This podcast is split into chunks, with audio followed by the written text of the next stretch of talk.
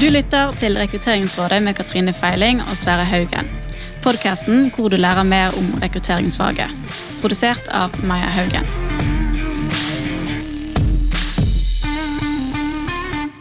Katrine, hva slags forhold har du til referansesjekker?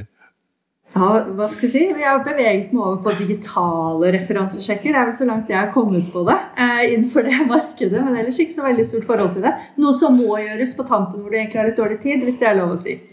Ja, det blir fort sånn.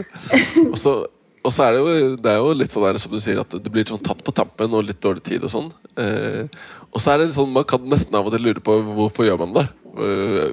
Satt på spissen hvis man gjør det i hvert fall helt drøyt. da. Og så spør man om noen referanser, og så vil man helst at det skal gå bra, og så får man noen sponsorkandidater som kandidaten har gitt opp. Eh, og så sjekker man med det, og så er man glad når man ikke finner noe rusk. Eh, satt på spissen, da. Høres kjent ut. Men, men eh, det, det går jo an å tenke nytt rundt referansesjekker også. Og I dag så har vi jo med oss en gjest som har, som har testa, testa litt faktisk, og gjort noe veldig nytt på referansesjekker. Eh, og gjesten vår i dag i Rekrutteringsrådet er Hanne Revholt. Velkommen, Hanne. Tusen takk, Sverre. Du, Hanne, vi skal snakke litt om noe dere har testet, og det er altså omvendte referansesjekker. Og det gleder vi oss til å høre litt mer om hva, hva er for noe. Men først så har vi lyst til å bli litt, sånn, litt kjent med deg. Hvem, hvem er du, og hvor jobber du? Ja. Jeg heter altså Hanne. Eh, Jeg har jobba de siste elleve årene i offentlig forvaltning. Eh, Jeg, har, jeg føler jeg snart har rønna alt vi har av norske direktorater. Så akkurat nå jobber jeg i Skatteetaten, og der har jeg vært i halvannet år. Eh, Før det så jobbet jeg i Bufdir, i Politidirektoratet og i Utdanningsdirektoratet. Så begynner å få god erfaring fra statsforvaltningen. Eh, Og så er jeg utdanna kriminolog, faktisk, av alle ting, sånn opprinnelig sett. Men eh, har aldri brukt den utdannelsen en dag når det gjelder sånn fagretningsmessig sett. da. Ramla inn i HR. Krimonol... Kri, hva kalte du det? Kriminolog. Jeg klarer ikke å si det engang. Hva, hva er det for noe, egentlig? Du, det er, ja, hva skal jeg forklare det med? Det er læren om studiet av kriminalitet og samfunn, rett og slett. Du verden, da. Du Det er flere rekrutterere som har det. Jeg har ett år. Jeg har første året på Er det kriminologi. sant? Så, så gøy! vi får det brukt i hverdagen på en eller annen måte. I all verden sa dere ikke det, visste jeg ikke, Katrine. Men det er, jo, det, er jo, det er jo noen paralleller. da Jeg husker vi hadde et, eh, Den forrige jobben jeg jobbet i, så kjørte vi et sånn morgenmøte, et frokostmøte med han Asbjørn Rakleff, som Ja. uh, drev med forhørsteknikk i politiet. Og dro parallellene mellom intervjuteknikk og forhørsteknikk. Og det var veldig Det slo veldig an og traff veldig bra. Så tydeligvis er det noe med kriminologi og, og rekruttering, da. Kanskje jeg tar meg mer enn jeg tror. ja. Eh, Men eh, du jobber altså med rekruttering nå i skatte... skatte det? Skatteetaten? Skatte... Skatteetaten. Jeg jobber organisatorisk, så er jeg Skattedirektoratet, men eh, det er Skatteetaten. Vi er én etat. Ja. Men offentlig sektor, det, det er så mye innovasjon som skjer der, da? Du, er jo Skatteetaten nylig kåret til Norges femte mest innovative virksomhet, så jeg vil påstå det, altså. Er det det? Det er ganske imponerende. For det, det, det, det, det, vi har jo snakket litt om det tidligere, Katrine, at vi, vi opplever vel av og til noen offentlige etater som litt sånn der, litt treige, kanskje. Ufortjent rykte, kanskje. Det er det vi er liksom spent på å høre nå. da, Hvordan man kan dra de i riktig retning også. Jeg syns Ja. det er litt ufortjent rykte. Eh, Jeg må jo nevne at jeg jobbet i Bufdir allerede i 2019, så avskaffa vi søknadsbrevet der. Så det går Gjorde dere det? Ja, det gjorde vi. Vi var tidlig ute med det. Så det, det Ja, går det an i offentlig sektor òg. For det, det har vi også snakket om på altså Vi nevnte jo tidligere? Du sa du hadde vært borti digitale referansesjekker. Nå er jo Hovedknaggen på tematikken her er jo digital, altså omvendt referansesjekk. Men, men egentlig så handler det jo kanskje om, eh, om innovasjon i rekruttering. da. For de som, være, de som har lyst til å høre litt mer om, eh, om referansesjekker, så hadde vi i episode 46 av Rekrutteringsrådet så hadde vi digitale referansesjekker. Og i episode 53 så hadde vi altså søknadsfri, som du nevner. da, Hanne, rekruttering, altså rekruttering uten søknad. Så det går an å lytte på andre episoder hvis man vil høre mer om det. Men nå har dere altså testa omvendte referansesjekker. Hva er, hva er det for noe, Hanne? Ja, jeg kan jo egentlig starte med å si at jeg tror ikke vi nødvendigvis fant opp dette som fenomen. Eh, For jeg, tror flere av oss har opplevd at vi har sittet i en rekrutteringsprosess, i sluttfasen kanskje. Eh, Og vi har vært gjennom intervjuer, caseoppgaver, tester og whatnot. Og så sitter vi der og lurer på ja, men hvordan er det egentlig å jobbe der. Det er jo gjerne det vi vil vite før vi skal ta dette valget om vi skal takke ja eller nei til tilbud som vi forhåpentligvis får. Eh, og jeg tror mange allerede har benyttet seg av den muligheten til å ringe noen som kjenner noen som kjenner noen i den virksomheten man har søkt jobb i. Men det vi har gjort som kanskje er det nye, er at vi har lagd et system for det. altså Vi har lagd en rigg for det. Eh, så vi som arbeidsgiver tilbyr nå det vi da kaller omvendt referansesjekk. Og hvordan, så, så da får altså kandidatene som skal begynne å jobbe i Skatteetaten, de får lov til å ta en referansesjekk på, på dere? Ja, Det er så enkelt som det, faktisk. Altså, eh, det vi ser for oss, er at i sluttfasen av prosessen, altså nær sagt når vi ber om dine referanser som kandidat, så bare bytter vi referanser. Eh, vi får dine, og du får våre. Så kan du også ringe de hvis du har lyst, og liksom snakke litt med noen som allerede jobber hos oss, for å høre hvordan det egentlig er å være ansatt hos oss. Bare et oppfølgingsspørsmål der, for jeg tenker jo det er så veldig sånn hva skal jeg si, fin tjeneste å tilby til kandidatene. Er det mange som har benyttet seg av det? Det er det. Eh, vi har, vi har, jo testet dette som en pilot hos oss i mm. fire måneders tid før vi evaluerte det nå nylig. Eh, og da har vi gitt tilbudet til 33 kandidater i løpet av den testperioden. Og av de så har så å si alle benyttet seg av muligheten. Men jeg tenker jo uansett for de da få som har valgt å ikke benytte seg av tilbudet, så er det uansett en verdi i seg selv. For jeg tenker jo at det, da viser vi på en måte også en form for åpenhetskultur, som jeg tror også blir verdsatt hos kandidatene våre. Men jeg, jeg, kjenner Og jeg har masse spørsmål. Det er superspennende. Kan vi, få inn-referanse nå, tenker jeg. ja, ja. Nei, men vi, vi har jo også snakket om tidligere på Rekrutteringsrådet, dette som, heter, dette som kalles omvendt intervju. Og der har jo du Katrine, du har jo vært med på omvendt intervju, fordi vi kjører jo omvendt intervju inn til oss i Meierhaugen. Og, og, prinsippet der er jo liksom det med å snu bordet. Og så gir det mye for, til egentlig begge parter Øh, ved å kjøre den måten der. Hvis vi, ser på, hvis vi begynner nå Når dere jo valgte å gjøre dette, Hanne, når dere valgte å kjøre denne piloten, dere har testa det på 33 kandidater, hvorfor gjorde dere det? Hvorfor valgte dere å gå inn i det? Jeg tror kanskje vi har tenkt litt likt når dere har innført omvendt intervju og vi har eh, omvendt referansesjekk, så tror jeg vi er inne på mye av den samme tankegangen her. Eh, for vår del så var en stor inspirasjon bl.a. Frode Hybels Haaland, eh, og alt han skriver veldig godt om realistisk job preview, og den effekten det har på kandidater. Så jeg tror vi liksom er inne på det samme tankegodset her. Altså det om å vri litt på prosessen. Styrke gjensidigheten i ansettelser. Eh, for jeg tror vel alle vi som jobber på rekrutteringssiden av bordet, må vel erkjenne at opp gjennom årene så er det vi som stort sett sitter på all makt i prosessene. Det har ikke vært veldig likeverdig altså, gjennom årene. Eh, det er vi som gransker kandidatene. De skal både sende CV og søknad, intervjues én, to, tre ganger, referansesjekkes og testes.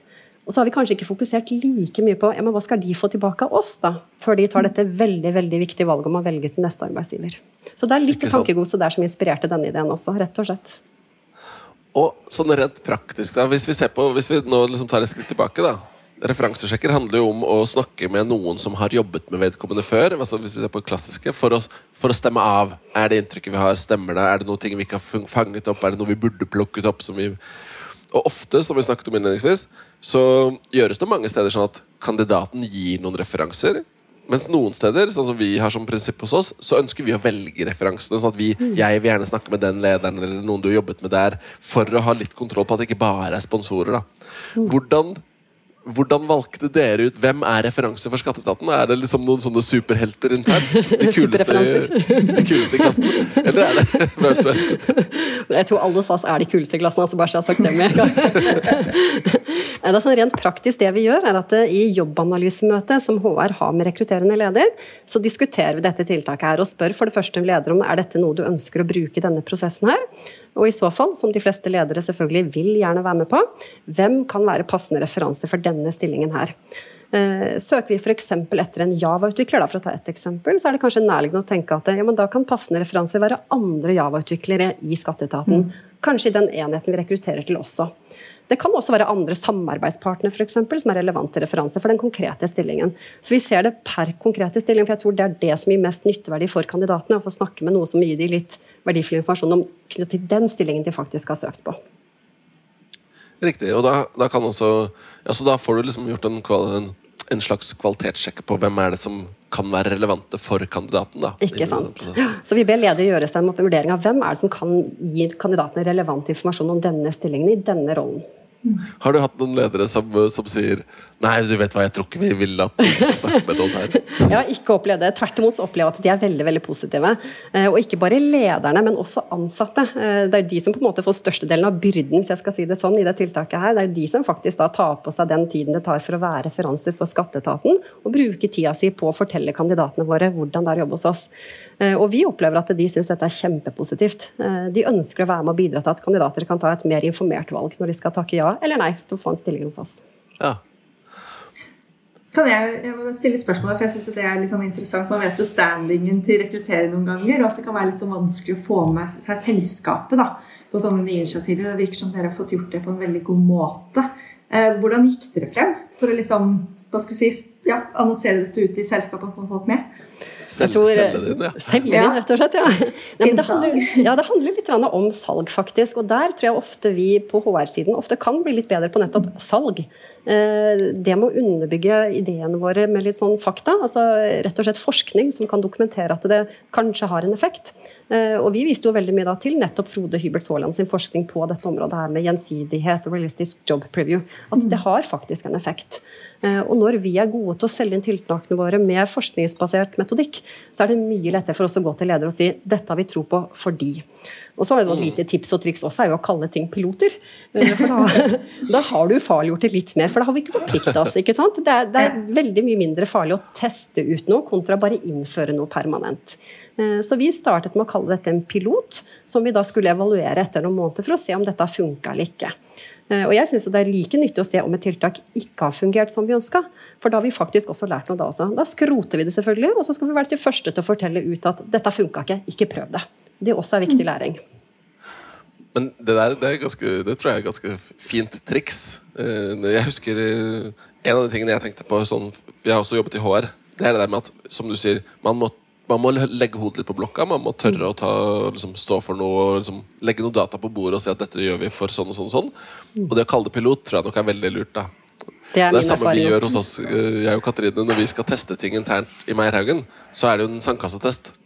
Og så, hvis du da har folk som er litt uenige, litt usikre, så ja, men slapp av, det er bare en test. Vi bare tester det nå. Det er en del av måten vi jobber på. Så, så er det lettere å få det. Og så er vi veldig heldige i Skatteetaten. Vi har jo også en ny strategi som oppfordrer oss medarbeidere til å utfordre etablerte sannheter, være nysgjerrige, prøve ting. Så, altså, det er jo bare hektet på strategien vår, og så er det knapt noen ledere som kan si nei til det. Men ok, 33 kandidater har da blitt eh, eksponert i denne piloten. Eh, hvor mange av dem ringte faktisk referanser? Vet du det? Det var så å si alle. Eh, Så å si alle. Så å si alle. Så spurte vi de også om de fikk noe ut av de samtalene Ja. de hadde. Altså Var de nyttige, rett og slett? For det også er jo selvfølgelig viktig for oss å vite om det tilførte noe. Eh, Og der svarte faktisk alle som hadde benytta seg av det, at det var enten veldig nyttig eller stor grad av nyttig. Så det ble opplevd som nyttig av kandidatene som testa det. Så, så hørte jeg deg riktig nå at alle sammen syns det ga verdi? Ja. Det er jo fantastisk. Hvorfor, hvorfor gjør man ikke det her som en standarddel av alle prosesser? Nå kan jeg jo si at vi er ferdig med pilotperioden. og Grunnen til at vi ikke kan gjøre det obligatorisk altså vi, vi fortsetter å selge inn dette her som et tiltak til alle rekrutterende ledere i alle prosessene våre. Eh, men i og med at det fordrer noe fra våre ansatte, så syns jeg ikke vi kan si at dette er obligatorisk. Eh, for vi trenger ansatte som frivillig ønsker å være med på dette. Vi kan ikke påtvinge det. Så Derfor er det viktig at vi liksom ikke sier at dette skal vi alltid gjøre, men vi skal alltid forsøke å finne referanser. Men så, så for den ansatte da, som stiller som referanse, da har dere hatt et oppstartsmøte med leder, og så sier, eh, så sier lederne ja, Java-utvikler. Ok, men da kan du snakke med Anne. Hun er dritgod. øh, Hun, eller hun, kan, hun vil sannsynligvis kunne være en god referanse. Da må dere sjekke av med Anne at hun syns det er greit. da Ja, Noen må gjøre det, om det så er HR eller rekrutterende leder, men noen må sjekke med Anne at hun syns det er greit, og få utlevert sin kontaktinformasjon og være referanse for skatteetaten. Ja. Og så sier hun ok, og så i referansesteget i prosessen så sier de kan vi få dine referanser, kjære kandidat, og her har du vår Anne. Du kan ringe Anne hvis du vil. Er det sånn dere gjør det? Helt riktig. Ja, Det er jo fantastisk. Det er så enkelt. Har du, har du sjekket noe med i denne analysen din? Da? Har du sjekket med de som faktisk var referanse? Hvordan de opplevde prosessen? Vi har ikke foretatt en systematisk kartlegging av det, men den tilbakemeldingen vi får både fra si, de vi har testet ut selv, og det fra hele rekrutteringsmiljøet vårt i hele etaten, er at de sier at ansatte opplever dette som positivt. De takker ja, ja. til å delta, og de syns dette er positivt. Fordi de ønsker å være med og være gode ambassadører for skatteetaten og for stillingen vi rekrutterer til. Mm skaper jo ofte en sånn stolthet å få lov til å presentere det du liker i jobben din. da. Ikke sant, det er akkurat det. Man har lyst til å komme til. Og vi har, vi har, veldig mange medarbeidere som er stolte av å jobbe hos oss også, så jeg tror at dette er noe som er litt lavterskel for mange. Og så handler det selvfølgelig at vi må jo ha respekt for at det fordrer tidsbruk fra de. Eh, så derfor vi er veldig nøye som arbeidsgiver med å si at vi pålegger ingen å være referanser, fordi det krever noe av folk. Du, du skal ønske det. Men vår opplevelse så langt i hvert fall er at dette syns våre ansatte er gøy å være med på. Det er jo ofte sånn når man, tenker, når man tester ting, enten det er prosesser eller teknologi, eller hva det er, så, så lærer man noe underveis. Uh, og så ser man ok, dette funka bra, men vi burde gjøre sånn isteden. Eller vi burde tvike på det her. Sånn. Har dere gjort dere noen lærdommer rundt justeringer som bør gjøres på hvordan dere bruker det? her?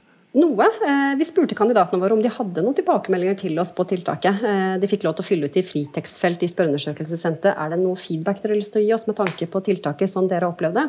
Eh, og en av de tingene vi tar med oss som vi fikk innspill på, var at de kunne ønske seg litt variasjon i referentene fra skatteetaten. F.eks. når det gjelder erfaring i etaten. At de ikke bare vil snakke med noen som har lang erfaring, eller bare noen som har kort. At vi ønsker litt sånn ulik fartstid på referentene. Så det tar vi med oss. At vi ønsker, vi skal prøve å få litt større variasjon. Men det igjen fordrer at eh, vi finner folk, men det, det tar vi med oss. Ja. Men dere fortsetter tiltaket? Vi fortsetter. Vi har, eh, vi har, avsluttet pilotperioden, så dette fortsetter vi med. Selvfølgelig. Ja. Spennende. Jeg tenker jo, Katrina, dette har jeg lyst til å, dette har jeg også lyst til å teste ut, faktisk. Du har lyst til å kjøre en liten pilot på den, ja? ja stand, stand, vi kaller det standkasse. ja, vi får kalle det standkasse, da. Så jeg liker den pilottermen. Men, men, det er noe med det ikke sant? når man ser på ting man skal teste. Hvis du veldig grovt deler opp da, Hvis du ser på rekruttering, som du sier, Hanne, så er det kanskje et behov for å gjøre noe med jevne ut balansen mellom kandidat og jobbsøker. Mm. Så kan man gjøre teknologigrep for å mm. enten effektivisere eller gjøre mer brukervennlig, kandidatvennlig. Eh, eller man kan gjøre prosessgrep. da. Mm. Eh, men det som er det spennende, da, det er å se på hvordan man kan gjøre grep som ikke bare er en, test som, som, faktisk kan settes i produksjon, som kan bli en fast del av prosessene. Vi har jo for eksempel, sånn som podkastene vi bruker som en del av våre rekrutteringsprosesser, har vi klart liksom, å integrere som en naturlig del av prosessene. Hvordan er sjansen tror du, for at dette vil være en fast del av deres prosesser? Har dere kommet dit allerede? At dette er en del av prosessen nå? Ja, eh, på en måte så er det jo det med at Pilotperioden er ferdig, vi har evaluert og vi har eh, på en måte fått tommel opp fra kandidatene våre, som var det viktigste grunnlaget vårt. Eh, så dette er noe vi kommer til å fortsette med. Og så har jeg lyst til at vi fortsatt skal utforske dette med hvordan vi kan styrke den gjensidigheten, for der tror jeg faktisk vi fortsatt har et stykke vei å gå, de fleste av oss. Ikke sant? Hva er neste tanke rundt pilotprosjektet? Hva er det som står på, på planen? Nei, altså Hvis jeg skal kaste ut én idé helt fritt Jeg vet at det allerede er noen som gjør dette her, men igjen denne her med at eh, vi på arbeidsgiversiden vi, er liksom, vi holder kortene litt tett i brystet i rekrutteringsprosessen av en eller annen ukjent grunn. Eh, noe av det jeg kunne tenke meg å utfordre mer, er dette her med hvordan vi forbereder kandidatene på intervjuer. Mm. Hvorfor i alle dager sender vi ikke ut intervjuguiden på forhånd? Eh, det er noe med, Tror vi ikke kanskje at vi får de best reflekterte svarene hvis kandidatene får lov til å forberede seg på samme måte som vi forbereder oss til intervjuet? Eh, det er akkurat som vi har en sånn ibygd tanke om at vi skal overraske kandidatene med spørsmål, og du må svare kjempegodt her og nå på stående fot. Ja. Eh, så akkurat den kunne jeg tenke meg å utforske litt. Hvorfor gjør vi ikke det til noen standard? At vi sender ut i alle fall temaene og kanskje noen grunnleggende spørsmål. Dette kommer vi til å diskutere i intervjuet. Forbered deg på å komme med konkrete eksempler på dette. Mm. Ja. ja. det er, det er interessant. Ja, ja det er det. Det er, eh, det er, eh, det er nok en, en, god idé å, å, kunne teste ut det også. I hvert fall ha overordnede kategorier. Ja. I hvert fall innenfor de overordnede kategoriene. Eh, altså sånn som Man vet emnet man skal innom, eller hva det skal snakkes om, eller hvordan man knytter det opp mot jobbeskrivelsen. Det tenker jeg er veldig sånn viktig, at man ikke blir overrasket på det. Hva er det vi egentlig ser etter? Mm. Og så er det jo litt av det å snakke til forskjellige typer kandidater også. Noen syns det er veldig naturlig å snakke masse om seg selv i en mm. setting, har null problem med det. Det er vel sånn, ja, Men folk flest er på midten eh, og trenger litt grann oppvarming da, før de er helt på den eh, selge seg selv. Så det vil jo være respekt til kandidaten, tenker jeg. Og så tror jeg jo at de fleste av oss er best når vi har fått lov til å forberede oss litt. Det er jo det som ofte er mest jobbnært også. Du får gjerne litt tid til å forberede deg. Eh, og i en sånn pressa situasjon som intervjuer, så er det jo også nærliggende å tenke at det kan godt hende at prestasjonen blir enda bedre hvis kandidaten har fått lov til å forberede seg på i alle fall temaene man skal diskutere. Det tenker jeg nesten burde egentlig være en selvfølge. Vi på byråsiden gjør jo dette litt, dessverre. fordi vi prepper jo hva skal vi, si, vi bruker ordet preppe, men forbereder jo kandidatene veldig ofte på hvert enkelt scenario de skal inn i. Så det er jo litt sånn for, å, ja, for, at de skal være best mulig i den settingen de skal inn i. Ja. Samtidig som kunden får gjort det avsjekkene de trenger. Og det er, det, er noe, det er, noe, relevant med det. Og hvis du ser på For å ta en parallell, parallelt eksempel, da, eh, så har du sånn som et case. Som man ofte Case vet vi jo er et veldig bra test for oss som arbeidsgivere i det gode, gamle seleksjonsparadigmet, fordi vi vet at det er høy prediktiv validitet. Hvis du gjør det bra på case, så kommer du til å gjøre en god jobb. Og så bruker man case, da. Men case har jo også en verdi for kandidatene. Hvis det er relevant, hvis det er et jobbnært relevant case, så vil caset hjelpe meg som kandidat til å finne ut av om syns jeg dette er gøy. Er det en spennende utfordring? Og så vil det hjelpe meg da, og gi meg verdi. da. Så jeg har også brukt det av og til som ref prep så hender det at jeg har delt caset før jeg kaller inn og sier at se på caset, hvis du syns det er spennende, så kan du komme inn på intervju. Fordi da vet vi at det er en match på oppgaver. Mm. Så det, den der like, den jevne ut balansen er smart. Det, altså. det handler mye om det samme, tror jeg, egentlig. Alt det vi snakker om her nå. Det gjør det. det, gjør det. Veldig bra. Um, Katrine, har vi noen flere ting vi lurer på rundt omvendte referansesjekker? Nei, rent bortsett fra når du skal kickstarte det hos oss. jeg egentlig at jeg har fått lært masse om hvordan de har gjort det, og erfaringene. Ja, for jeg tenker jo, jeg tenker jo På mange vis så kan dette være, være det møter mye av det samme som vi gjør med omvendt intervju. Vi har jo da, som jeg nevnte i sted, Hannes, så kjører vi omvendt intervju inn til oss. Hvor vi tar kandidatene, lar kandidatene kjøre intervju med våre ansatte teste dem. Også begge veier. da Og da er jo litt av målet at de også skal få litt det samme som du får gjennom en referansesjekk. Mm. Men jeg tror nok en, en omvendt referansesjekk på mange vis, selv om det er krevende at de ansatte må stille opp på en telefonsamtale, så er det lettere å få til enn et omvendt intervju hvor alle må møte samtidig. Mm. Så, så, jeg tror det kan være interessant å teste ut, i hvert fall internt hos oss, og kanskje også faktisk ute hos kundene. Um, så tror jeg også det er noe med det at Når det er si, reelle ansatte man får prate med, så jeg tror ofte at det kan føles mer troverdig og reelt enn når det er vi si, som sitter i intervjuet, og rekrutterende ledere og HR-personell som sier at ja, her er det så bra å jobbe. Så mm. selvfølgelig, Vi er troverdige, vi også, men jeg tror det å snakke med noen som blir akkurat sånn som du skal være i stillingen, jeg tror ofte det føles enda mer troverdig og enda mer ekte. Ja, ja. Og så tror jeg en, en, siste effekt da, som jeg vet ikke om du har tenkt over, men som jeg også tror faktisk har en effekt, det er det med at du vil jo på et vis også nesten tjuvstarte litt onboardinga. For du får knytta noen kontakter med et par stykker du snakker med på forhånd, før du starter. Og når du da møter dem igjen siden så er du jo liksom nesten gode venner allerede. ja, men Det er akkurat det du var innom. ikke sant? Altså, du spurte meg om vi brukte superheltene våre, om det var det kuleste. og ikke sant, Å få vist fram hvor bra ansatte vi har da. Da ja, ser de at det, dette er bra folk som jobber hos oss, dette kan du bli en del av. Så, men utover det også, så tenker jeg at det bare det at man viser eh, at vi er villige til å gjøre et sånt tiltak, det sier jo noe om oss som arbeidsgiver også, håper jeg. Eh, det viser at vi står for en viss åpenhetskultur også, og det i seg selv har en verdi, nesten uavhengig om du velger å bruke tiltaket eller ikke når du får tilbud om det. For det viser ja. en holdning som jeg er litt stolt av at vi tør å vise frem. Veldig bra.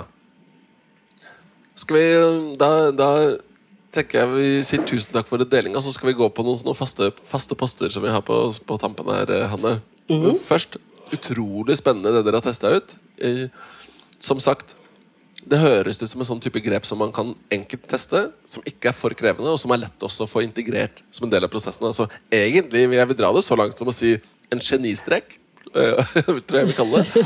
så hyggelig. Um, hadde rent personlige spørsmål som er et fast spørsmål vi stiller gjestene våre nå i Rekrutteringsrådet. Hva er din verste rekrutteringsopplevelse? Jeg satt og tenkte på om jeg skulle utlevere meg selv eller om jeg skulle utlevere en kandidat, og jeg ender med å utlevere meg selv. jeg tar en prosess jeg var kandidat i, jeg faktisk. Eh, og Vi har jo snakka litt nå om metoder og seleksjon og validitet. har vi allerede nevnt i denne samtalen, og jeg kan jo nevne at det var et intervju jeg var på som kandidat, Eh, apropos dette å overraske kandidatene, som jeg var litt innom også. Det med å ikke få intervjuguiden på forhånd og ikke vite hva man går til. Eh, så ble jeg i et intervju bedt om å tegne. Eh, jeg skulle stå og tegne ved en tavle foran intervjugruppen. skulle jeg tegne hva jeg f.eks. mente var en god dag på jobb. Nei, Eh, og jeg er utdanna kriminolog. Overhodet ikke veldig Det var ikke noe tegnekurs der. Det var ikke tegnekurs på studiet. Så jeg tegna den beste pinnefiguren jeg klarte. Men det der har jeg faktisk hørt om. Eh, jeg har hørt noen andre som har blitt utsatt for den der. Og det har jeg også synes har vært veldig Hvor er relevansen? Altså, Hva får man ut av det? Og jeg kan nevne at jeg fikk jobben, eh, og jeg skulle jobbe med rekruttering. Og det første jeg gjorde, var å avskaffe den metoden. Bra jobba! kanskje det var det du var ute etter, en som kunne avsløre at det var veldig dårlig ting i seleksjonen. Jeg tror kanskje pinnefiguren min var det som eh, avgjorde. Nøkkel, nøkkel ja.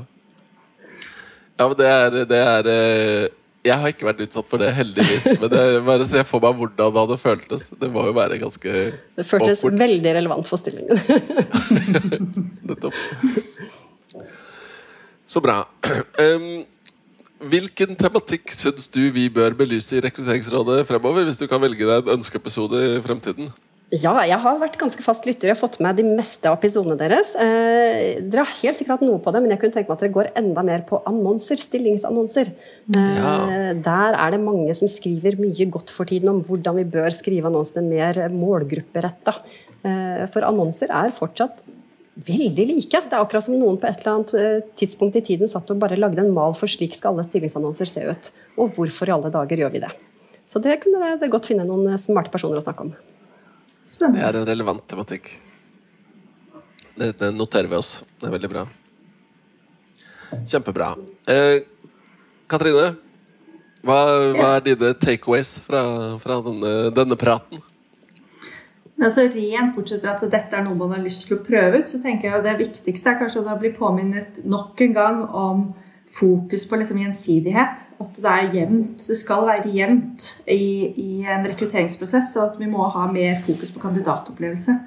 Det er kandidaten som egentlig skal få mest ut av eh, den, eh, ja, den situasjonen, intervjusituasjonen, eller egentlig hele rekrutteringsprosessen.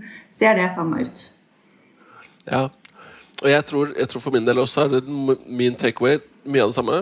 Det handler om Jeg tror dette er et grep som på en veldig god måte både gir bedre informasjon til kandidatene og øker tilliten. da Fordi du får et sånn troverdig sannhetsvitne ved å snakke med de som faktisk sitter i det. Ikke sant? Så det er det ene. Og så har jeg også lyst til å nevne at eh, et takeaway som lytterne burde ta med seg, da, i hvert fall de som sitter i situasjoner hvor det kan være relevant, det er den derre kall det en pilot. Kall det en sandkasttest. For da er det lettere å få testa det ut, og så, og så ser man. Det er en veldig god idé, faktisk. Veldig bra. Eh, da sier vi tusen, tusen takk til deg, Hanne. Veldig hyggelig at du ville stille opp på denne praten om omvendte referansesjekker. Tusen takk for at jeg fikk komme. Så gleder vi oss til å følge med eh, hva som skjer i Skatteetaten fremover på rekrutteringsinnovasjon. Og til eh, deg som lytter, så kan vi si det at eh, neste episode av Rekrutteringsrådet, da kommer vi til å få besøk av to personer som jobber med veiledning av jobbsøkere. De jobber i arbeids- og inkluderingsbedrifter, og da er vi litt nysgjerrige på å høre hva bør vi som rekrutterere lære av de som faktisk veileder folk som, som trenger å komme seg ut i jobb. da. Fordi vi ønsker å få flere folk ut i relevant arbeid, og da er det helt sikkert noe vi kan plukke opp fra dem. Du har lyttet til Rekrutteringsrådet. Vi produserer også topplederpodkast og Jobbsøker. Du finner oss der du lytter til podkast. Har du forslag til gjester eller tematikk? Gå inn på vår Facebook-side Maja Haugen.